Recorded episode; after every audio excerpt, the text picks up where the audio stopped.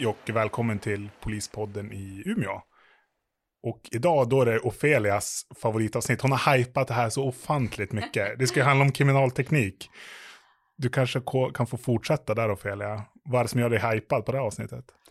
Ja, men jag har alltid varit fascinerad av ja, men kriminalteknik, brottsplatsundersökningar och jag nämnde ju i första avsnittet, att, eller första poddavsnittet, att jag tycker att det är väldigt roligt med brottsplatsundersökningar. Men du däremot, Viktor, du sa ju att du på grund av att du är lite bitig så tycker du att det är lite kämpigt med brottsplatsundersökningar. Ja, är fått... det därför du har valt att byta tjänst? Eh, jag har ju fått mycket kritik för att jag sa bitig. Jag har insett eh, att jag är ju inte det. Jag är väl mer pappa-kropp kanske. Eller, jag vet inte. Min arbetsgrupp eh, skrattade gott när de lyssnade på det avsnittet. Eh, nej, men det är inte därför, precis. Jag, jag jobbar inte kvar på ingripande verksamheten. Eh, jag jobbar som stationsbefäl idag. Och eh, för att förklara en svår tjänst så är det väl ja, men det innebär att jag sitter på inre tjänst fast jag jobbar tre skift och vi prövar mycket frihetsberövanden. Ja, det är ju väldigt många olika arbetsuppgifter ja, har ni ju egentligen, så det är ja. inte bara det, men. Men man kan säga att är man frihetsberövad av, har man blivit det av polisen så är det oftast jag som på ett eller annat sätt prövar det frihetsberövandet om det ska bestå, liksom den lagliga grunden för det. Ehm, det finns, nu ska vi inte orda jättemycket om det, men så... Nej, för nu ska vi prata om kriminalteknik. Ja. Ja, och varken du eller jag är ju några experter i ämnet. Så med oss idag så har vi en äkta kriminaltekniker, Linda. Välkommen hit. Hej och tack. Nu har vi sålt upp dig extra Ja, nu känner mycket. jag ju att jag har höga krav på mig när jag producerar här. Men vad, vad gör en kriminaltekniker? Ja, men en eh, kriminaltekniker, jag kan ju börja med att säga att vi är, de flesta av oss är poliser i grunden, men vi har ju även civilanställda kriminaltekniker. Eh, men det vi gör, det är ju brottsplatsundersökningar. Vi begärs ju ut av eh, förundersökningsledare, eh, åklagare, för att göra eh, undersökningar på plats och även delundersökningar då, eh, som klädundersökningar, fordonsundersökningar och sånt där. Eh, men främst är det ju ute på fältet och då gör vi ju, eh, då kom vi, och har det hänt någonting, ett inbrott, enkelt, Mm. Um, eller ja, enkelt behövde det inte vara, men... Eh, men det är det, det första kanske man tänker på? Ja, men, det, det, ja, men precis, det klassiskt, de flesta tänker kanske inbrott. Uh, och då gör vi ju, mm, ja men, uh, en platsundersökning, kolla vad är det som har hänt här, har det hänt och hur har det hänt? vad är det första man tittar på när man kommer på platsen, vad letar man efter? Eh, ja, men vi försöker då. Vi kom på plats oavsett om det är ett inbrott eller ett mord, våldtäkt, eh, rån, ja vad det än må vara, så försöka skaffa oss en, skaffa oss en uppfattning om vad, vad är det som har hänt här? Och, och så måste vi jobba successivt inåt, eh, in i huset då, eller beroende på vars kroppen ligger eller vars våldtäkten har skett eller inbrottet, ingångsvägen, så jobbar vi oss in. Vi måste ju säkra skoavtrycken, vi måste ju kolla om vi kan hitta ja, men annat som kan eh, göra att vi hittar misstänkt. Eller gärningsmannen som gjort det. Så man går lite från, ja, men utifrån och in? Ja, vi jobbar oss ju utifrån ja. och in. Så att eh, vi ser ett inbrott och vi har en, en krossad ruta man har gått igenom eller en altan, altandörr. Så går vi, vi kollar ju av utifrån först. Sen har vi ju hjälp av eh, hundar också som kan eh, säkra eh, färska spår. Vi har ju en brottsplatsundersökande hund som inte ingår i vår grupp men som finns i regionen också som eh, vi har ju även andra hundar som kan hjälpa till då och söka spår ute eh, om de har en flyktväg eller så. Vad är det för typer av spår som hundarna letar efter då? Eh, de här BPU-hundarna som vi har, eh, som kallas, de står för brottsplatsundersökande hund, de söker ju färska spår då, som saliv och blod. Om jag inte är helt ute och cyklar, men blod brukar det också. Ja. men typ kroppsvätskor, eller kan det även ja. vara, men hittar de andra saker också? Alltså brottsverktyg eller? Ja, men det kan de ju hitta, absolut. Ja. Men oftast så tar men man det, in det ska ju vara lite... färska, de ska söka varje 24 timmars spår, alltså, ja. sägs det. det. Men de är ju otroligt duktiga. Men vi gör ju så, vi jobbar oss ju utifrån och in eh, och försöker säkra det spår vi kan hitta då. Eh, det är klart att vi är ju bara människor och vi, vi, har ju inte sett hur de har gått tillväga, så det är klart att det kan missas saker, så är det ju. Mm. Men eh, vi ser att du har brytmärken eh, på, på en altandörr, ja då kan vi ju säkra eh, de märkena då. Vad ska man med de märkena till, tänker jag, när man har säkrat dem? Då, då spa, vi gör ju en sån här avgjutningsmassa då, som vi använder oss av för att sä, äh, säkra det verktygsspåret. Och så sen kan vi då ja, men ni på IGV gripa då en, en gärningsman som man misstänker har med det här att göra och så hittar man eh, en kofot till exempel i bilen så kan vi ju jämföra eh, den kofoten då med eh, verktygsspåret som vi har avgjutit. Ja, för det Fast det gör ju inte vi då, då måste vi ju skicka det till NFC i- som står för Nationellt forensiskt centrum. Vi skickar ju det till Linköping då som analyserar och matchar ihop det liksom. ja, men precis. Men visst är det då, visst har jag förstått det rätt, att ja, men verktyg, det är inte så att ni kan se att, eller det spelar ju som ingen roll att ja, men det här är en kofot från Biltema, utan det är snarare de här spåren som finns i verktygen, för Ja. de är väl unika i sig också oftast om man använder dem några gånger eller sådär, att de får unika spår i sig. Ja, men precis. Exakt. Man kan ju se, jag menar, eh, ja, man kan ju se om det, alltså en kofot är ju ganska om man använder, den är, ju- den är ju speciell i Mm. utformningen så man kan ju ana att det är en kofot och det är det man ska leta efter. Och sen kan det ju vara så att, eh, att det är en blå kofot och den har satt färg Mm. i spåret, vilket gör att då kan vi ju ta färgprover och så kan man kolla det gentemot kofoten också. Ja, just det, dens färg som de har på Mm. Ja, sig. men precis, så. jämföra färgen på kofoten jämfört med. Mm. Så att det kan vi också göra. Men och, om jag är som målsägande blivit Mm. utsatt för ett brott, nu tar vi ju en, ett inbrott för enkelhetens skull. Mm. Vad bör jag tänka på för att underlätta för er när ni ska säkra spår? Ja, men precis, där är det ju att, alltså jag kan ju förstå som eh, utsatta för det här, en målsägare som har blivit utsatt för ett inbrott, gärna vill in i huset och kolla vad är det som har hänt här och, och vara överallt och kolla och lyfta på grejer och eh, ja men en krossad ruta var nästan så att man vill få lite städa direkt kanske bara för man känner att det här är ju så hemskt och kränkande för en. Och man vill bara men det bästa för våran del och även för för er del också för att det kan vi ju säga också att alla som jobbar på IGV också ska ju ha um, en grundläggande kunskap till att uh, hantera in, inbrott, då, alltså mm, kriminaltekniskt. Ja, nu lät det som att eh, Viktor är värdelös på det, men är absolut inte. Nej, Men vi har ju nej. en grundutbildning, så vi, Ja, vi sköter ju bra ändå, ni är ja, bara ja, experter. ja, men precis, alltså, och ni ska ju sköta en viss del själv då. Men vad ska man Men- tänka på då? Liksom, Men, kommer- men alltså det jag skulle säga det är att inte vara inne och trampa överallt. Alltså försök att ser man att det har hänt någonting här, nu har vi haft inbrott. Försök om det går att backa ut och inte börja städa, sopa ihop eller utan går det så backa ut och ring eh, polisen. Eh, Så ofta så kommer ju då och, alltså ni första på IGV eh, och gör Mm. en första check som eh, se om ni kan klara av att göra det själv eller om ni vill att vi ska komma ut. Då.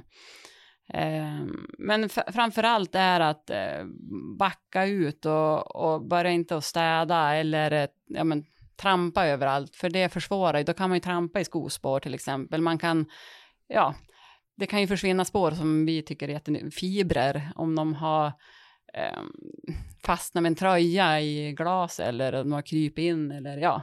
Mm. Så att eh, försök att inte vara var, på, var där. Precis, för det upplever jag också är jättevanligt Mm. bland, jag menar typ hos företag där det har försvunnit mycket verktyg mm, eller Mm. jättedyra GPSer, att eh, företagen vill ju fortsätta jobba på som vanligt, Mm. de vill inte vänta in oss eller vänta in er. Nej, Och det försvårar ju otroligt mycket. ja men det gör ju det. Men tänk om jag har blivit utsatt för ett inbrott och så, så bestämmer en förundersökningsledare att ja, Mm. men det ska kriminaltekniker komma på, på plats. Ja. Hur lång tid kan jag ta innan, hur lång tid förväntas det innan ni kommer på plats? ja, men allting handlar om egentligen vad, vi har ju vår våran chef om man säger så, som prioriterar ut oss också. Allting beror ju på vad är det som har hänt och har vi fullt upp så då kanske det är så att vi kommer bolla tillbaka jobbet till er, att ni får göra det. Eh, så kan det vara, men för ofta så är det ju så att vi, vi vill ju ut och jobba så vi, ofta så åker vi ut direkt. Vi åker ju inte ut, vi har ju kontorstider, så vi jobbar ju 8-17. Um, och sen har vi ju beredskap, men eh, så vi åker ju ut så fort vi bara kan. Mm. Så, så att, eh, ja, för det är ju jobbigt för, de, för målsägarna. För de drabbade att måste vänta in, de vill ju gärna få det bara undanstökat lite grann och få fortsätta. Jo, även om jag kan förstå liksom som målsägare kanske att man vill, om vi går Mm, tillbaka till förra mm. ämnet, gå in och men städa upp eller man är ju mitt i, man kan ju uppleva det som att man är mitt i en händelse, att man är utsatt för inbrott och det Mm. har man ju, men sen man får kanske försöka tänka lite att det här har redan hänt. Mm. Alltså att jag går in och städar nu, det kommer inte förändra någonting. Nej, Däremot det att- kan ju försvinna jättemycket ehm, för oss. Ja. Om man går in och städar, det kan ju finnas blodspår och så har man ja, börjat Ja. städa undan eller plocka undan och så helt plötsligt så försvinner det för oss. Och det vet jag, det brukar de säga också när man Mm. ringer till polisen. Mm. Om man pratar med RLC till exempel, regionledningscentralen. Mm. De brukar ju säga också, Mm. ja men gå inte in, liksom rör ingenting. Så får Nej. vi komma på plats först och göra en bedömning. Ja, men precis. Jo, Mm. helt klart. Mm. Ehm, Men vad gör ni med spåren som ni, som ni säkrar? Vad händer med spåren sen? Mm. Eh, det vi gör, eh, vi skickar ju det till, eh, har vi, vi säger att vi har biologiska spår då, som saliv eller blod som vi har topsat, då skickas ju det till, en, till NFC då, till en, ja, Nationellt forensiskt centrum i Linköping som gör analysen på topsen. Eh, och har vi skospår, eh, då vill vi, vi måste ju som eh, ha någonting att jämföra mot, alltså Ehm, kan vi gripa en gärningsman i närheten av det här så då kan man ju jämföra skorna eller att det grips en på plats eller hur det blir så kan vi ju jämföra eh, skorna mot skospåren på platsen och det, det, har ju, det händer ju lite nu och då. Eh, men annars så, vi, då vi säkrar skospåret så fotar vi, fotas det upp och så har vi vårat system då som vi lägger in alla bilder i. Ehm, och sen får det liksom ligga där på vänt tills vi kan ha någon som vi kan jämföra mot. Men eh, framförallt eh, fingeravtryck och eh, DNA, det går ju direkt till Linköping för att eh, köras genom deras system då för att se om vi kan få träff mot person. Och då är det ju förutsättningen att den person, alltså att de är daktade ehm, och topsade då. Och Vad daktade- innebär att man är daktad? Ja, daktade, det är ju att de är fotade och fingeravtrycken är säkrade på. Och det är ju personer som är dömda för brott som finns med i, i systemet. Då. Mm. Som, eh, och kan vi då få träff, eh, då får vi en pling att nu, nu har vi fått en träffrapport. Eh, och då kan ju utredaren fortsätta utreda vidare mot den personen som man har fått träff mot. Annars så ligger det ju kvar i vårt spårregister att eh, vi ser att vi har topsat och fått en, ehm, en DNA-profil på den här topsen. Då sparas ju det i, vår, i spårregistret. Så att eh, blir det då en person som grips nere i eh, Skåne eh, och så topsar man den personen, då kan ju det träffa då sen mot spårregistret. Jaha, det var, du har ju hittats, eller ditt blod har hittats på ett inbrott i Umeå till Mm. exempel. Och det hände ju ganska nyss här i närheten av Umeå, en av kranskommunerna. Eh, ja, men precis. Ja, men exakt, det hade Så vi. man ja. håller väl säkert ja. på att utreda det fortfarande. Ja, men... precis. Och det var ju typ fem år gammalt eller något sånt där. tror Ja, jag. så även för att man inte får Mm. träff direkt så kan det ju komma träff Mm. om några år, då kan man ju återuppta Ja. ärendet. Så att... Jo, men precis, för det är det som är jobbiga för, för målsägare. Att, eh, och det försöker vi säga också då vi är ute på platsen, att, eh, ja, att det kan ju komma ett nedläggningsbeslut. Eh, Men det är ju på grund av att i dagsläget har vi ingenting som vi kan gå vidare på. Eh, Men det betyder ju inte att vi inte kan återuppta ärendet om något år då. Eh, Och det brukar de tycka är ganska skönt att höra. Eh, För det kan ju vara ganska jobbigt att så bara få ett brev i posten där man har lagt ner ärendet. Mm. Det måste vara ofantligt skönt. Nu vet ja, men det där som träffen man fick in. Mm.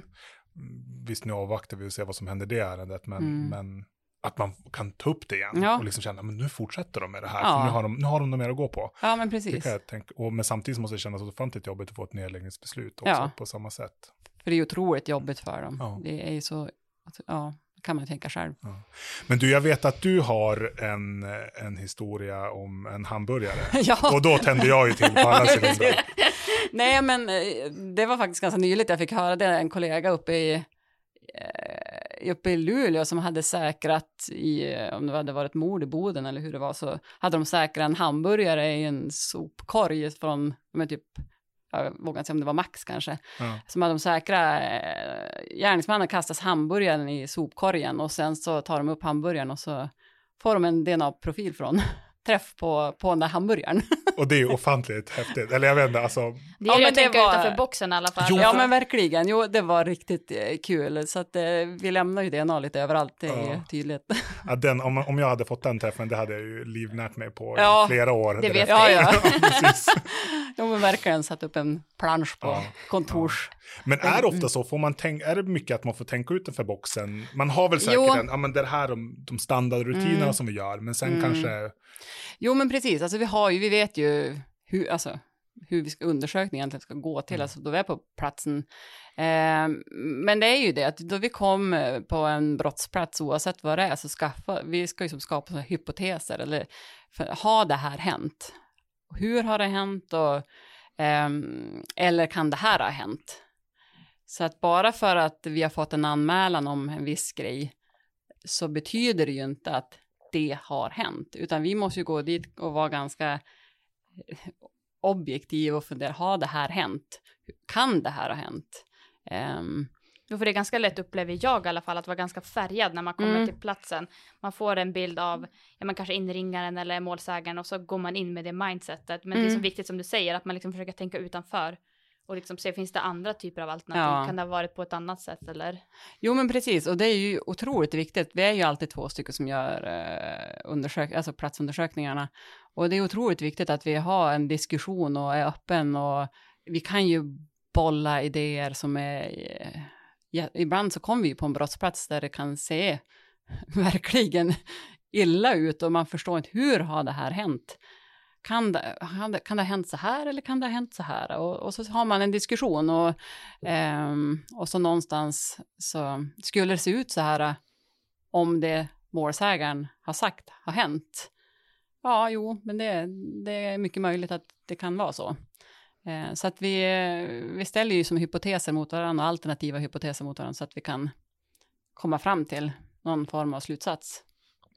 Så är det ju. För att efter vi har gjort våran platsundersökning, då ska ju det här eh, bli ett protokoll där vi skriver ner alla våra iakttagelser och sen eh, en analys och slutsats på slutet som vi ska kunna stå för och sitta i rätten och, och vi förklara. Mm. Och vi har ju fått in väldigt många frågor via vår Instagram. Och en av Mm. de frågor som är väldigt, är väldigt vanliga det är hur Mm. blir man en kriminaltekniker? Måste man ha en polisiär Mm. bakgrund eller? Ja, nej, det behöver man ju faktiskt inte. Utan eh, vi säger som hos oss i våran forensikgrupp 2, det som vi tillhör då, här i Region Nord, så är vi, vi är 12 stycken med våran chef och då är två stycken civilanställda faktiskt. Eh, så att eh, man behöver inte ha en polisiär bakgrund. Eh, men de flesta av oss är ju poliser i grunden och sen så har vi vidareutbildat oss till kriminaltekniker och då eh, som det ser ut nu så har vi ju då först så då man blir anställd på forensikgruppen så jobbar man som eh, mängdbrottsundersökare kan man säga eh, och då är det ju att göra främst då inbrott och sånt eh, för att få komma in i arbetet lite grann. För egentligen grunden till all kriminalteknik är ju det vi gör på inbrotten. Alltså det är söka skospår och blod och saliv, alltså DNA, fingeravtryck. Ehm, så att då får man göra det ett tag och känna sig att man kommer in i arbete och sen så vidareutbildar man sig till kriminaltekniker och då är det ju 18 veckor i, som det ser ut i dagsläget, i Linköping på NFC, det är de som utbildar oss. Och om man inte är polis och vill bli kriminaltekniker, hur går man tillväga då? Eh, ja, men som nu till exempel så anställde vi ju en, eh, en eh, kollega bara förra året och hon var ju civil. Då går det ut en som vanligt vanlig förfarande med ansökan att vi söker ja, en person som vill utbilda sig till kriminaltekniker. Okej, då söker man tjänsten och får man den så får man utbildningen Ja, då får, ja, ja, precis. Du får ju utbildningen eh, då du har fått tjänsten. Så är det ju. Ja, vi har fått in väldigt mycket frågor från våra lyssnare och Mm. Instagram eh, följare. Och vi har ju tagit upp, de flesta frågorna har vi hunnit tagit upp, men det är en Mm. fråga vi inte har tagit upp. Eh, och jag tror att, eh, jag tror att du Linda kommer få svara på den här frågan. Det är blodbildsanalys, används det i någon form som bevisning? Ja, alltså blodbildsanalys i Sverige så har vi ju eh, blodbildsexperter. Så i vår grupp så har vi ju en kollega som, han är ju blodbildsexpert. Va, vad är en blodbild då? Alltså, Alltså en blodbild, det är ju, man kan komma på en brottsplats och så är det blod överallt. Och då, de här expert, alla har ju, alla som är kriminaltekniker har ju en grundutbildning i, eh, i blodbildsanalys.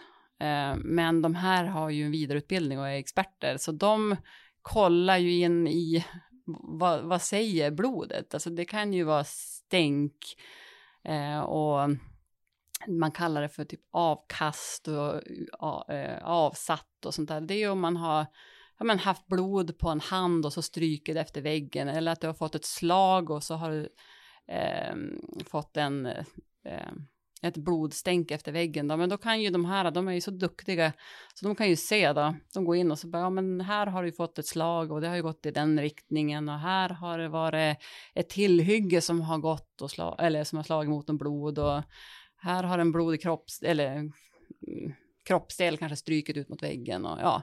Så att de, de är ju otroligt duktiga och eh, går in i som detaljerna på det här eh, och mäter stänken och ja, de är, ja, de är superduktiga. Eh, och vi har ju, vi kan ju göra lättare blodbildsanalyser då. Eh, men är det så, men det är ju samma sak, där eh, begär ju då eh, åklagaren oftast ut då, vill man ha en, en, ehm, en utförlig undersökning av blodbilden på mm. platsen. Åker de ut på platsen då, eller är det att de tittar på bilder som kanske patruller eller ni har tagit? Det kan de väl göra ibland, men ofta så åker de ut, kan jag säga, och då har de ju en som är som insatt i ärendet och så har de en annan som inte har läst på någonting överhuvudtaget mm. oftast, så då så åker de ut och gör den här undersökningen och det här, de är ju ja, jättenoggranna och otroligt duktiga. Bra, tack. Mm. Så att det används kan vi säga. Ja. Men du Rufel, jag vet också innan att vi avslutar att du har någonting att berätta. Och jag tror att Linda känner till det här lite också. Eller berätta och berätta. Jag har mer att jag vill skicka med en, en uppmaning till eh, lyssnarna. Där när jag gick på polisutbildningen så hade vi en lärare som var besatt av fingeravtryck. Och det gjorde ju att jag granskade mitt fingeravtryck och hittade en liten smile i mitt finger. Alltså rundring, öga, öga och en stor glad mun. och jag vet att du har ju det här fingeravtrycket tror jag på din telefon va, som ja, ja, bakgrundsbild. ja, och det är mitt enda partytrick, så låt mig ha det. Men därför vill jag bara skicka med en uppmaning till er lyssnare att granska era fingeravtryck. Jag vill veta om det finns fler där ute som har en smiley i sitt finger. Gärna om det finns en suris där ute som vi kan matcha med. Så kanske vi kan göra en konstinstallation eller någonting. Så att eh, kolla på era fingeravtryck och sen så hör ni av er, skriv till oss om ni har något roligt så kollar vi på det. Vi avslutar så. Hej då.